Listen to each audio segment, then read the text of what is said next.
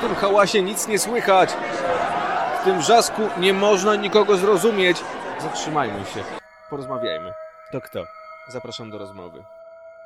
Wędkował z Wałęsą, prezentował wiadomości, a z kością niezgody próbował oceniać cienie życia i prawo prawa. Dziennikarz radiowy i telewizyjny i to właśnie temu drugiemu oddał większość życia. Pozostała część należała do żony Janiny i córki Magdaleny. Gdynianin z urodzenia, gdańszczanin z wyboru. Moim gościem jest Janusz Trus. Dzień dobry. Dzień dobry. Tak przejrzałem internet, nie znalazłem pana w social mediach. Nie. Nie ma pan Facebooka, Instagrama? Nie, ale broń Boże. Broń Boże. A dlaczego? A, a, a, dlaczego tak? A, to dzisiaj to jest bardzo popularne, modne. Nie, nie jest mi to do niczego potrzebne, poza tym czuję wstręt do współczesnych gadżetów. Yy, lubię czytać gazetę. Komórkę mam Nokię, która funkcjonuje na zasadzie mama tata, to znaczy mogę dzwonić, do mnie można dzwonić, mogę wysyłać smsy, do mnie można wysłać MSL, nie mogę robić zdjęć, nie można do mnie buziaków wysyłać.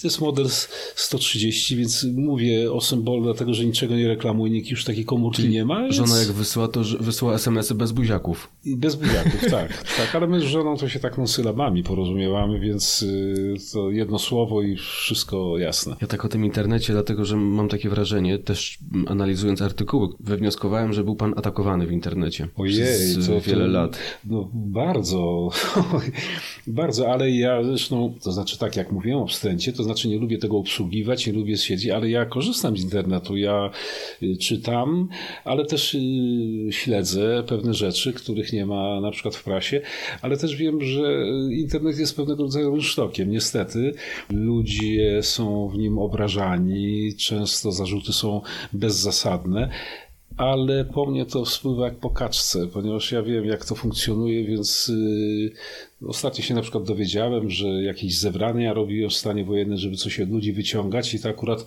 mówiła moja koleżanka, yy, która te spotkania organizowało się w domu i to ona zapraszała, no więc się uśmiałem.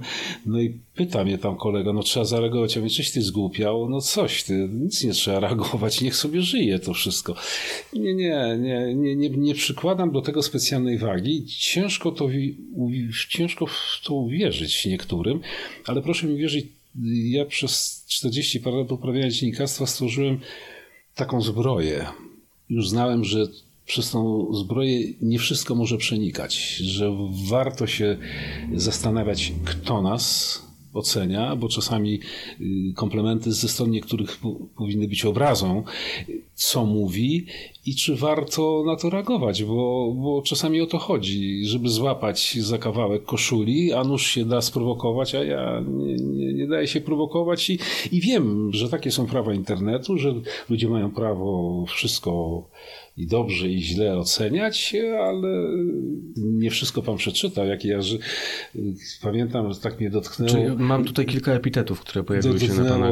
Ale to sobie zanim pan powie, tak, tak, proszę, dotknęło, że jestem wyjątkową mędą i tak sobie pomyślałem, no, no i nożem. Dlaczego mędą? No? A to były tylko takie określenia w internecie, czy zdarzało się też e, face to face? E, nie, to się bali. I to, to znaczy, to, to nie, to ludzie są... łatwiej anonimowo. Chociaż y, zdarzało mi się, że ludzi pod nogi pluli, ale powiem panu, że jestem człowiekiem szczęśliwym. W większości kiedy miałem kłopoty w pracy, nie będę o nich szczegółowo mówił, to spotkałem się z wielką sympatią telewizów. To znaczy, bardzo mi pomagali w tym sensie, że niech się pan nie daje, dawali odczuć swoją sympatię. No i jak wykazywały badania, no byłem dosyć popularnym lokalnym dziennikarzem, zresztą odczuwam do tej pory. A propos tej popularności, wyczytałem, że zbierał pan, czy nadal pan zbiera, listy od widzów. Już teraz nie, bo teraz nie dostaję, ale szczególnie po programach, tak, programach zdrowotnych yy, strasznie dużo tych listów dostawałem. Yy, odpowiadałem na nie na antenie i one były wyrazem takiej bezradności telewizji, bo człowiek który siada do pisania, to tak, albo się zakochał i pisze, że kocha, albo pisze do nas, bo nienawidzi, albo jest nieszczęśliwy i musi się wyżalić. I ci ludzie to robili i w moim programie zdrowotnym doszło do tego, że ja sam zacząłem o swoich chorobach mówić, żeby tym ludziom uświadomić, że nie wolno się nigdy poddawać, że wiedza lekarza, determinacja pacjenta jest w stanie zburzyć każdy mur. I to dawało wielką satysfakcję. I te listy były takim motorem, y, że ja człowiek jednak nieco cyniczny, taki zepsuty przez życie, zacząłem wierzyć, że zawód dziennikarza niesie w sobie pewnego rodzaju posłannictwo, że on jest potrzebny.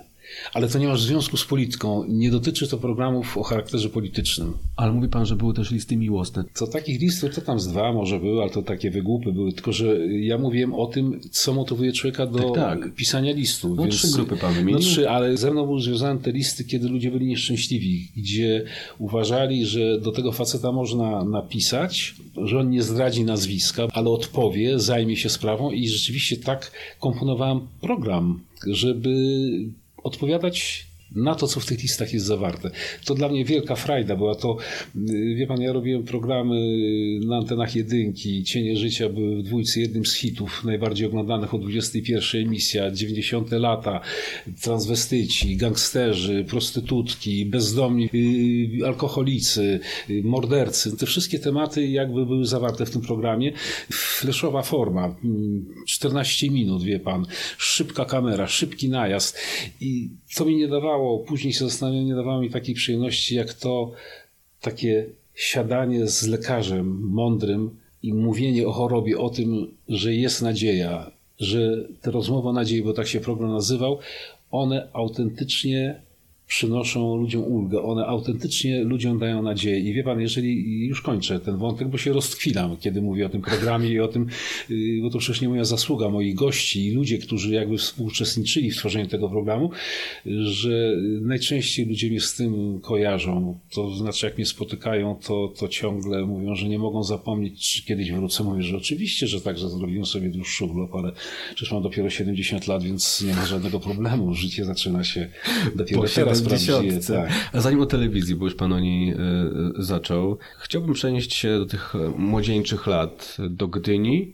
do boksu, siatkówki. No tak, Jak ale to to, były takie epizody. No, w, Gdyni, w Gdyni to się tylko urodziłem, bo mieszkaliśmy w Sopocie. Było różnie. Przede wszystkim 4 lata chodziłem do 10 klasy, bo mi się nie chciało uczyć. Zawsze mówiłem, że tak ten program mi odpowiadał. Opóźnienie miałem paruletnie. Boks zacząłem trenować w Stoczyjowcu, bo dostawałem lantus na podwórku i później niezły łobuz się ze mnie zrobił. Właśnie miałem też taką przygodę, kiedy już chciałem być taki dobry i byłem silny, bardzo dobrze się biłem na ulicy, to wtrąciłem się kiedyś, żeby rozgonić sprzeczkę małżeńską, bo się mąż okładał żonę, sobie poczęstowali nożem tu w łydkę i jeszcze kopniaki oberwałem od jednej osoby drugiej, czyli od męża i żony. To widzi pan, nigdy się nie należy wtrącać w rodzinne. I Siatkówka to był taki, to też taki epizod był, miałem taki moment, gdzie chciało mi się uczyć, to w jedynce było jeszcze też tu po sąsiedzku i, i troszeczkę grałem, ale to bez przesady z tym sportem. Potem ulica mnie bardzo dużo nauczyła. Czyli było pierwsze liceum ogólnokształcące. Och, proszę pana, potem było szóste, czwarte, i wszystkie były, tak. Później była wieczorówka. Pilnym uczniem pan raczej nie był. Nie, ale potem jakimś studentem byłem, bo urodziła mi się córka i doszedłem do wniosku, że koniec z takim hulaszczym trybem życia. Skończyłem wieczorowo drugie liceum Imienia Pestalozziego. Zacząłem studiować no, w Uniwersytecie Gdańskim, już na studiach dziennych.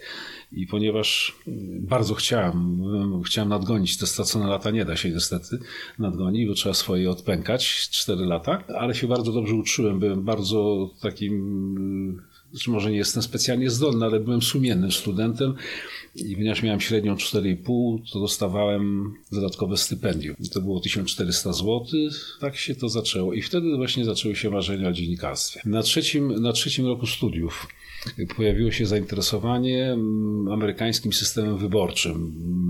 I tak zacząłem czytać specjalistyczną prasę, zacząłem chodzić do panu, żeby biuletyny oglądać tłumaczy, amerykańskie kongresu, które były tłumaczone na język polski. I zaproponowałem wtedy redaktorowi prowadzącemu Głos Wybrzeża, że chciałbym parę artykułów napisać na temat systemu politycznego w Stanach Zjednoczonych. Popatrzył na mnie w partyjnej gazecie o imperialistach, ale to był taki dowcipniś, bardzo mądry człowiek. I napisałem, to mi dosyć zgrabnie wyszło, no i się y, zaczęło. Później było w Dzienniku Bałtyckim, no i dzięki protekcji dostałem się do telewizji na staż No bo tak się powinno zaczynać. No nie, ale to, to było protegowane byłem, więc to tak, y, ale to, to nic nie pomagało, nie, bo to gorzej mówię o tym, że dzisiaj tak naprawdę każdy chce skończyć dziennikarstwo i pracować od razu na, na antenie. Nie winię za to młodych ludzi, każdy by chciał od razu film fabularny zrobić, tylko że wtedy to inaczej wyglądało, to, to było tak jak u szewca troszeczkę, to znaczy przynieść podaj poza miatem, może nie, nie, nie dosłownie, tam się nauczyłem podstaw zawodu, a później uświadomiłem sobie, że sam to ja mogę sobie skoczyć na pukiel, jak to się mówi. Że ważna jest współpraca z operatorem, dźwiękowcem, w ogóle z całą ekipą. I zawsze pamiętam, zawsze mówię, słuchajcie, róbcie tak, żebym był ładny, przystojny, mądry, bogaty na wizji i nic się nie wtrącałem. I z większością operatorów w telewizji miałem taki układ partnerski ja się nie wymądrzałem, bo oni bardzo tego nie lubili, bo ja się na tym nie znałem. Też się nie mądrzyłem na montażu. Montaż to jest jedna z najważniejszych rzeczy. Trzeba o tym mówić. Ja zawsze, jak udzielałem jakiegoś wywiadu, czy odbierałem jakąś nagrodę, mówiłem, że jestem taki dobry, w tej materii w tym momencie, jaka dobra jest moja ekipa. I oni po prostu chętnie ze mną pracowali. Też dbałem o to, żeby pieniądze były godne w tych programach. Potrafiłem, o czym nie wszyscy wiedzieli, z moim przyjacielem Tomaszem Urbanowiczem, który był producentem moich programów, potrafiliśmy sobie odjąć, żeby ekipa była zadowolona, bo nic tak nie powoduje dobrego nastroju jak lepsze honorarium, o czym pan redaktor doskonale wie. Ale pan, panie redaktorze, mówił już o tej przyszłości dziennikarskiej. Ja bym chciał jeszcze zacząć od tego początku, czyli ale to tak od początku. Te, odnoszenia ale to tak, kawy. No, no, no, tak no było. może no, wódka. To była z Peweksu, też... wódka z Peweksu to była, bo żytnia z kłoskiem. Wie pan, co to jest żytnia z kłoskiem? Nie wie pan. To była taka wódka za 80 centów. Jedyna polska wódka, którą można było wypić, która w Peweksie kosztowała 80, a potem 95 centów. I to było tak, Janusz, jakbyś mógł skoczyć po butelkę, ja mówię, to pójdę. Ale wiesz co, żebyś trzy razy nie chodził, kup od razu sześć.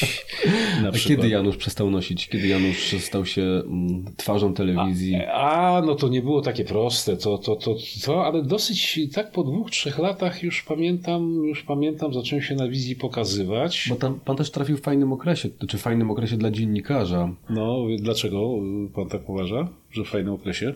Strajki? Nie, nie, to ja przed strajkami trafiłem.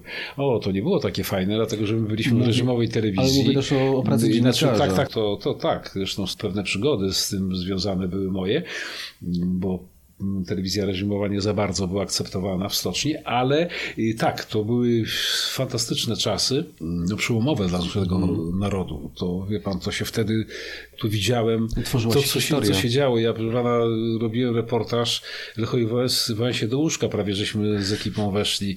Żona nas nieopatrznie wpuściła, on zaspany. Panie, co pan tu nie tego, tu dzieci latają, pani Danuta z którymś dzieckiem tam na ręku. Tak, taki, to był strajk ostrzegawczy, pamiętam. To jest coś coś nieprawdopodobnego, wie pan, to się wszystko działo, ja to mogłem dotknąć, ja mogłem rozmawiać, ja, przepraszam, jeżeli to jest takie chaotyczne, ale jestem jedynym dziennikarzem, który spędził najwięcej czasu z Lechem Węsą na planie zdjęciowym.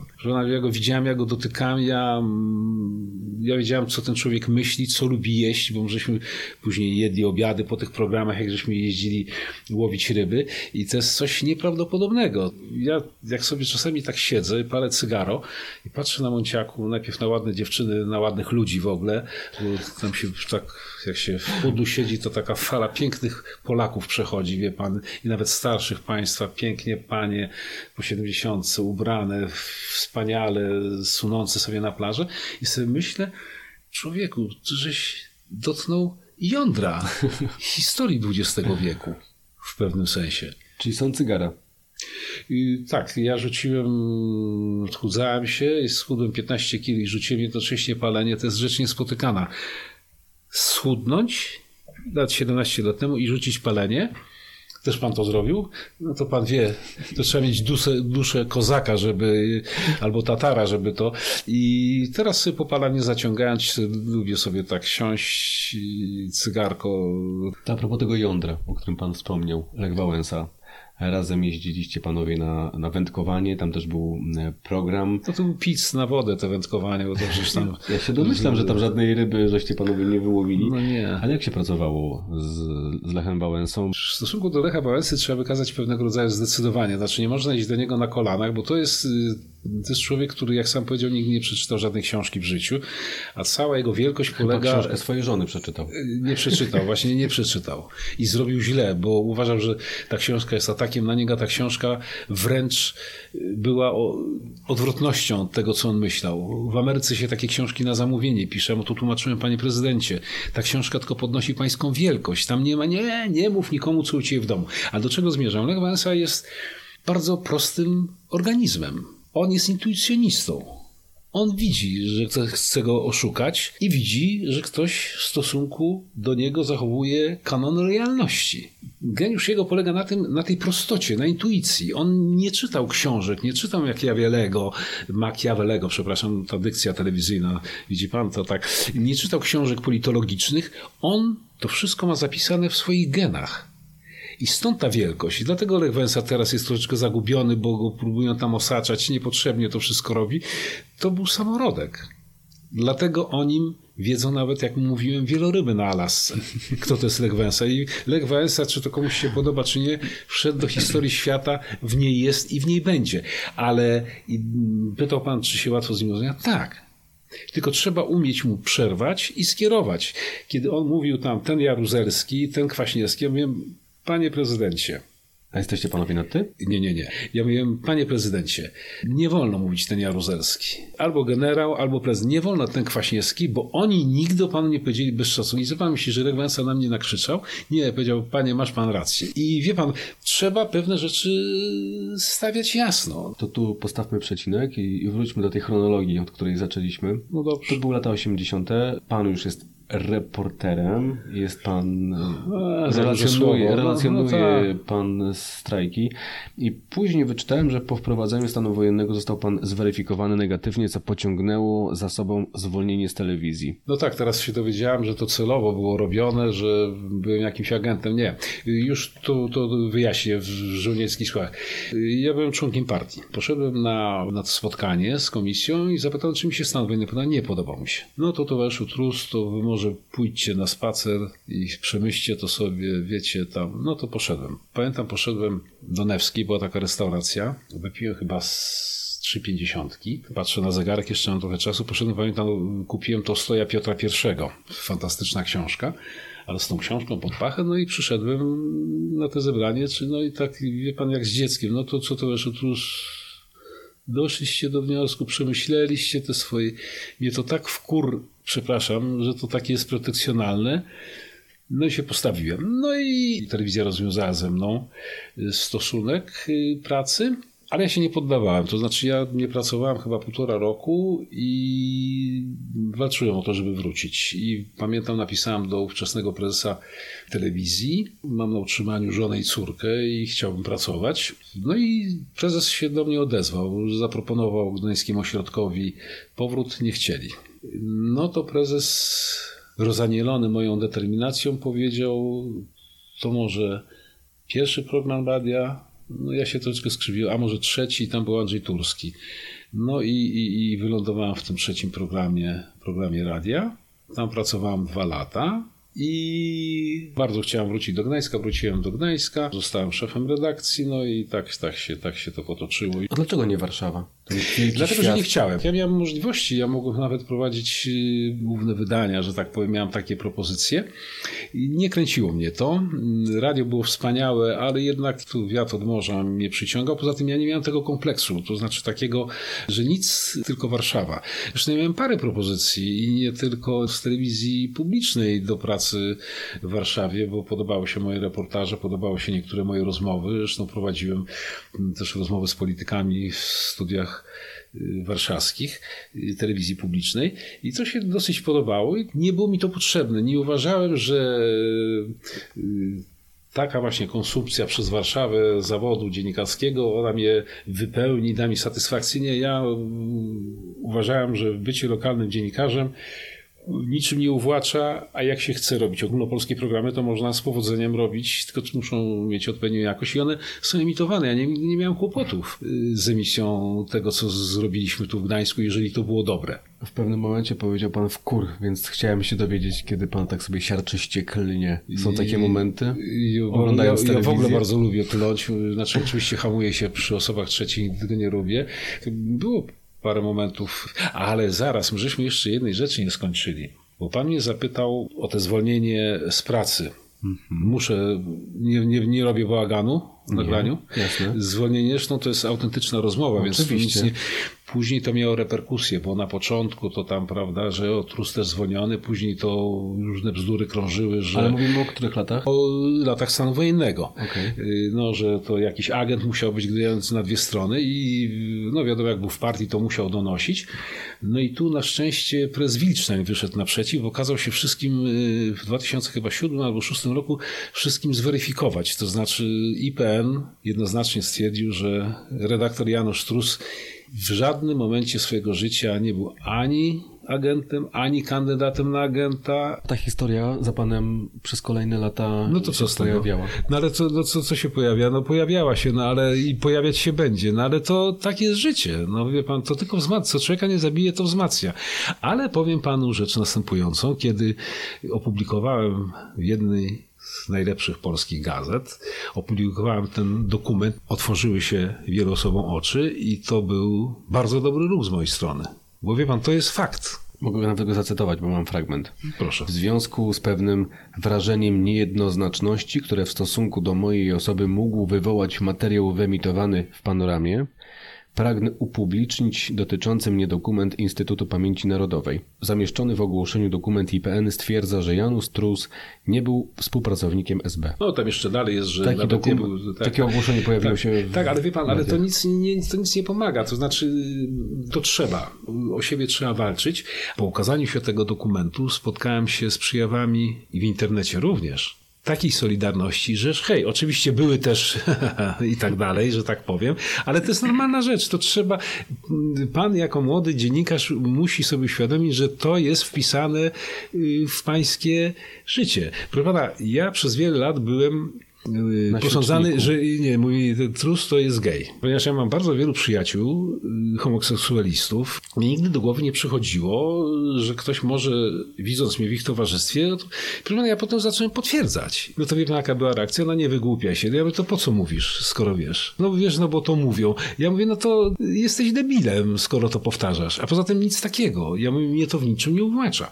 Był też taki moment, że, to mnie bardzo dziwiło, mm, zresztą powiedziałem o tym na antenie, że trus to Żyd. Był taki okres w naszym kraju. Jeszcze nawet kiedyś o tym w radiu prowadząc program powiedziałem, yy, oddając hołd temu wielkiemu narodowi, który w takiej diasporze żyjąc daje sobie doskonale radę, że mnie to w ogóle nie obraża. Nawet został pan nazwany białym Żydem. Tak. I właśnie nie mogłem tego, i w radiu się z, ze świętej pamięci profesorem Lunarczykiem, z profesorem Jerzym Zajadło, żeśmy właśnie zastanawiali się nad tym, co to znaczy biały Żyd.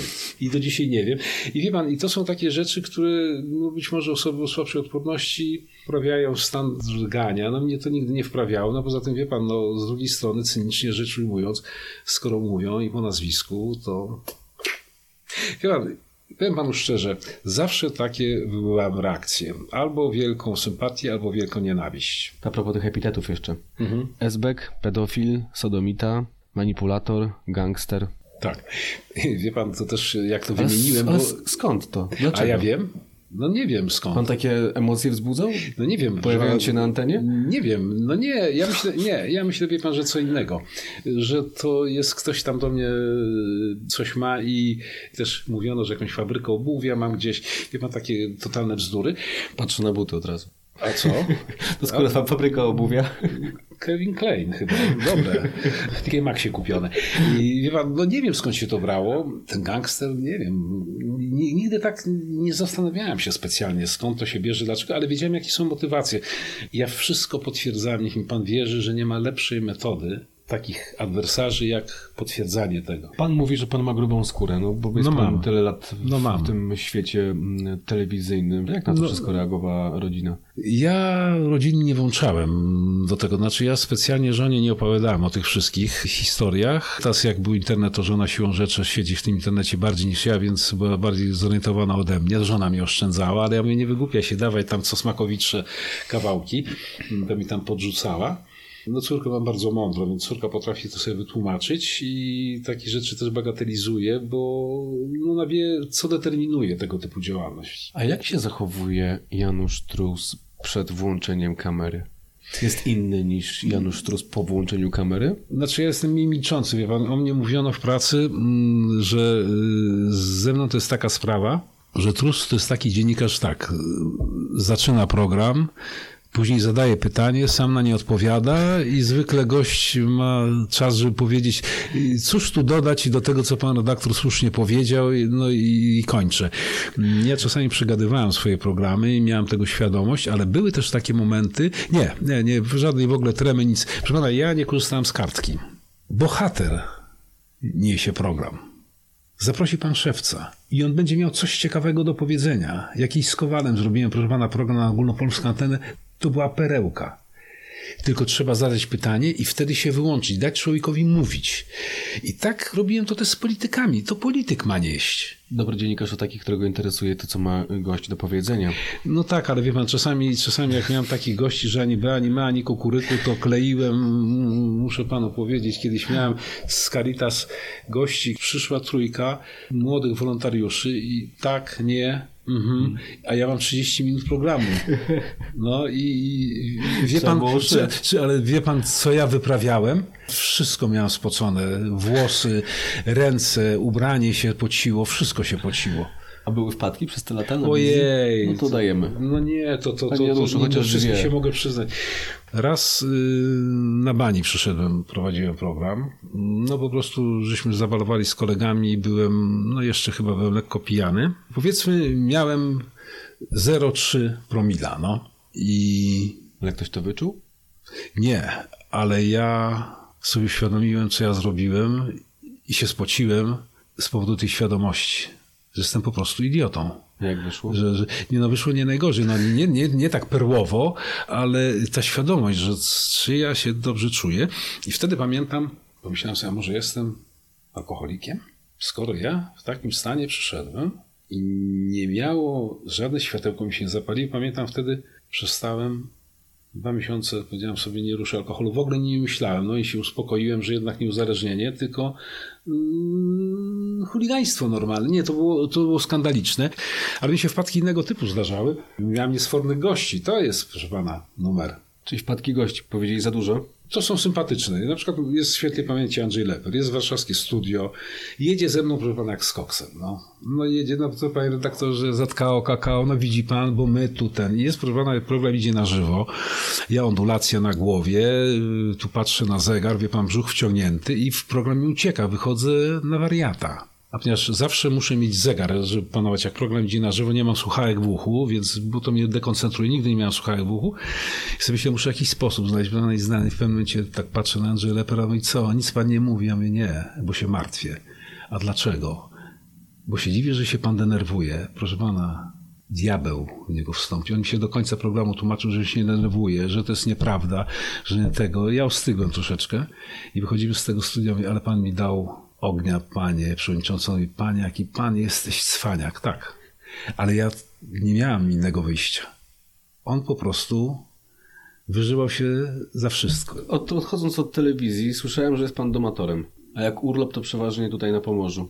No to tak, bo to kiedyś tak powiedziałem, tak, to znaczy bardzo lubię, znaczy ja się, ja lubię swój dom na zaspie w bloku, Mm, bardzo lubię się szwendać po okolicy, po knajpach, lubię sobie siąść z cygarkiem i patrzeć na ludzi. Nie piję w, w knajpach, dlatego że Teraz to tak, redaktor Trus, godzina 18, 18.30, redaktor Trus i na zdjęciu już ja, a to 20, redaktor Trus wynoszony z lokalu, więc mając wyobraźnię, jak to działa, i wiem, że jako osoba średnio rozpoznawalna muszę się pilnować. A ponieważ jestem biesiadnikiem i birbantem, to wie pan, lubię biesiadować z kolegami, biała kiełbasa, butelka dobrej wódki, ale y, robię to rzadko, ale lubię. A jak to właśnie z tą rozpoznawalnością, z popularnością było, jest? Był taki okres, że miał pan nie, no była, była, nie była, była ta rozpoznawalność, bo, bo jak byłem pana jeszcze na świecie, nie było to babcie obecnych 40-latek lubiły mi oglądać, bo to był jeden pan program. ciągle wypomina mój wiek. No. No, bo, bo panu zazdroszczę, bo to jest skandal, że pan miał tyle lat, ile pan ma, ja tyle, ile mam. Oczywiście to żart jest. Niech pan tylko tego czasu nie zmarnuje. I, i wtedy był jeden program, więc oglądało się panoramę tam o 18.30 czy 18.00. No później trzeba było się nagimnastykować, żeby zainteresować swoją twórczością. Były też takie lata, że się nie przyznawałem, że mnie to doskwierało, no bo gdzieś mnie tam, jestem na dancingu w Krystalu i ktoś tam mówi, o pan redaktor, nie, nie, nie, tylko podobny jestem. I, i takie, jak to się mówi, paliłem głąba. I kiedyś mnie taka pani zawstydziła i wie pan co, przecież ja od pana nie chcę ani pieniędzy pożyczać, ani się nie chcę z panem, ani nie chcę za pana za mąż wyjść i mnie to tak niemiło. Ja panu chcę sympatię wyrazić, a pan, a pan mówi, że pan nie jest Janusz Trus, Proszę pana, to było gorsze od kopnięcia w twarz. Tak to nie można sobie, będąc osobą pracującą w mediach, sobie nie można tak pogrywać, wie pan, że nie jestem, jestem, a później odczułem tą sympatię. Później, wie pan, człowiek tego pragnie nawet. Ale to była też cenna kopalnia, bo ludzie zaczepiają nie dlatego, żeby pożyczyć 5 zł, czy, tylko żeby wyrazić swoją radość albo mówić o swoim bólu, o swoim nieszczęściu. I wtedy człowiek ma to poczucie, że to, co robi, jest akceptowalne albo nieakceptowalne. I mnie to dawało później poczucie wielkiej wartości tego, co robię. Znaczy, ja nie robiłem jakichś genialnych rzeczy, robiłem no, takie no, rzemieślniczo, dobrze skonstruowane kawałki na antenę, ale to y, ta reakcja ludzi powodowała, że ja wiedziałem, że ja nie robię tego tak, w komin, tylko że ja to robię dla kogoś. Pan dziś o tym powiedział, mam 70 lat, ale nadal do telewizji mogę wrócić. Ale rzeczywiście, ale to ja kiedy pana zobaczymy nie, na ekranie? Ale nie, nie, ma, nie, ma, nie ma żadnego, znaczy nie ma żadnego powodu. Ja wie pan, nie chciałbym za dużo mówić, bo, bo pomyśli pan, że się chwalę. Y, to znaczy, mm, tu nie, nie, nie mówię tylko o telewizji publicznej, jest y, cała masa stacji, do których może pójść średnio inteligentny y, redaktor 70-letni, w Ameryce to jest młody wiek w dziennikarstwie. Niech pan zobaczy, kto tam prowadzi programy. Ale ja się do tego nie palę. Ja teraz wykonuję, mm, dyskontuję swoje doświadczenie medialne w taki sposób, który mnie bardzo satysfakcjonuje. Poza tym nieuczestniczenie bezpośrednie, znaczy nie prowadzenie rozmów z politykami, pozwala mi oglądać y, to wszystko, co się dzieje wokół nas, dosadniej, lepiej. Ja widzę więcej niż gdybym był zaangażowany bezpośrednio. Czego pan nigdy by nie zrobił w telewizji? No nie skurwiłbym się. Przepraszam, przejdzie to słowo? Przejdzie. No nie skurwiłbym A proszę się. to rozwinąć. Wie pan, jestem człowiekiem tendencyjnym. Nie mam zbyt dobrego charakteru. Yy, zawsze wiadomo, że bliższa koszula ciało. Ja to wszystko wiem. Ja jestem świadom swoich wad. Ale są pewne rzeczy, których robić nie wolno. Nie wolno ewidentnie kłamać. Trzeba umieć przeprosić, kiedy się zrobiło błąd. I ja kiedyś jedną osobę w życiu skrzywdziłem. Ja odpokutowałem za to, przeprosiłem, zrekompensowałem. Nie powiem o co chodziło. Nie była to wielce dramatyczna rzecz, ale wystarczająco dotkliwa, że mnie to nauczyło na całe, na całe życie pewnej ostrożności. Okazuje się, że tak wielu skarg na mnie nie było. Chyba dwie komisje miałem y, takie etyczne, ale to tam się niczym nie skończyło. Jakiś deweloper się na nie poskarżył. Nie było specjalnych skarg. Starałem się, właściwie później to się Rysia, Ryszarda Wojciechowska, znana dziennikarka Dziennika Bałtyckiego, to mówiła, co to za kość niezgody, to kość zgody. Ja właściwie tych ludzi godziłem.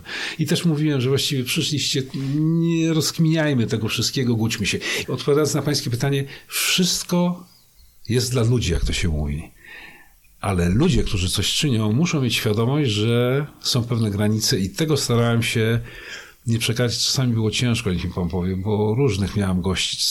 chciało się dopieprzyć, ale wiedziałem, że trzeba się trzymać pewnej granicy i dlatego też byłem krytykowany przez y, między innymi wspomnianą Ryszardę Wojciechowską, którą niezwykle cenię. Jesteś, nie, nie jesteś agresywny, nie jesteś...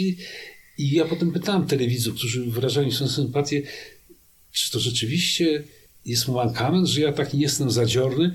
Wie pan, co mi mówili? Za to pana lubimy. Mamy dosyć tych wrzeszczących dziennikarzy, trzęsących się, udających, że są tacy bohaterscy, tak chcą do prawdy dojść. I okazało się, że ludziom jest potrzebny spokój, że lepiej jak ja rozmawiam z kontrowersyjnym politykiem spokojnie, nie atakuję go, daję mu powiedzieć. I ja potem z tego uczyniłem cnotę.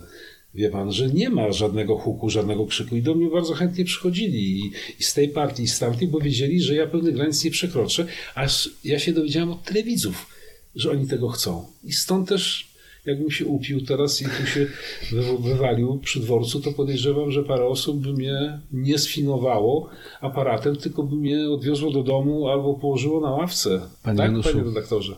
Panie Januszu, bardzo dziękuję za wspólne wędkowanie. Dziękuję za Bardzo rozmowę. to była dla mnie wielka przyjemność i, i koniec, kropka. Do zobaczenia. wielkie.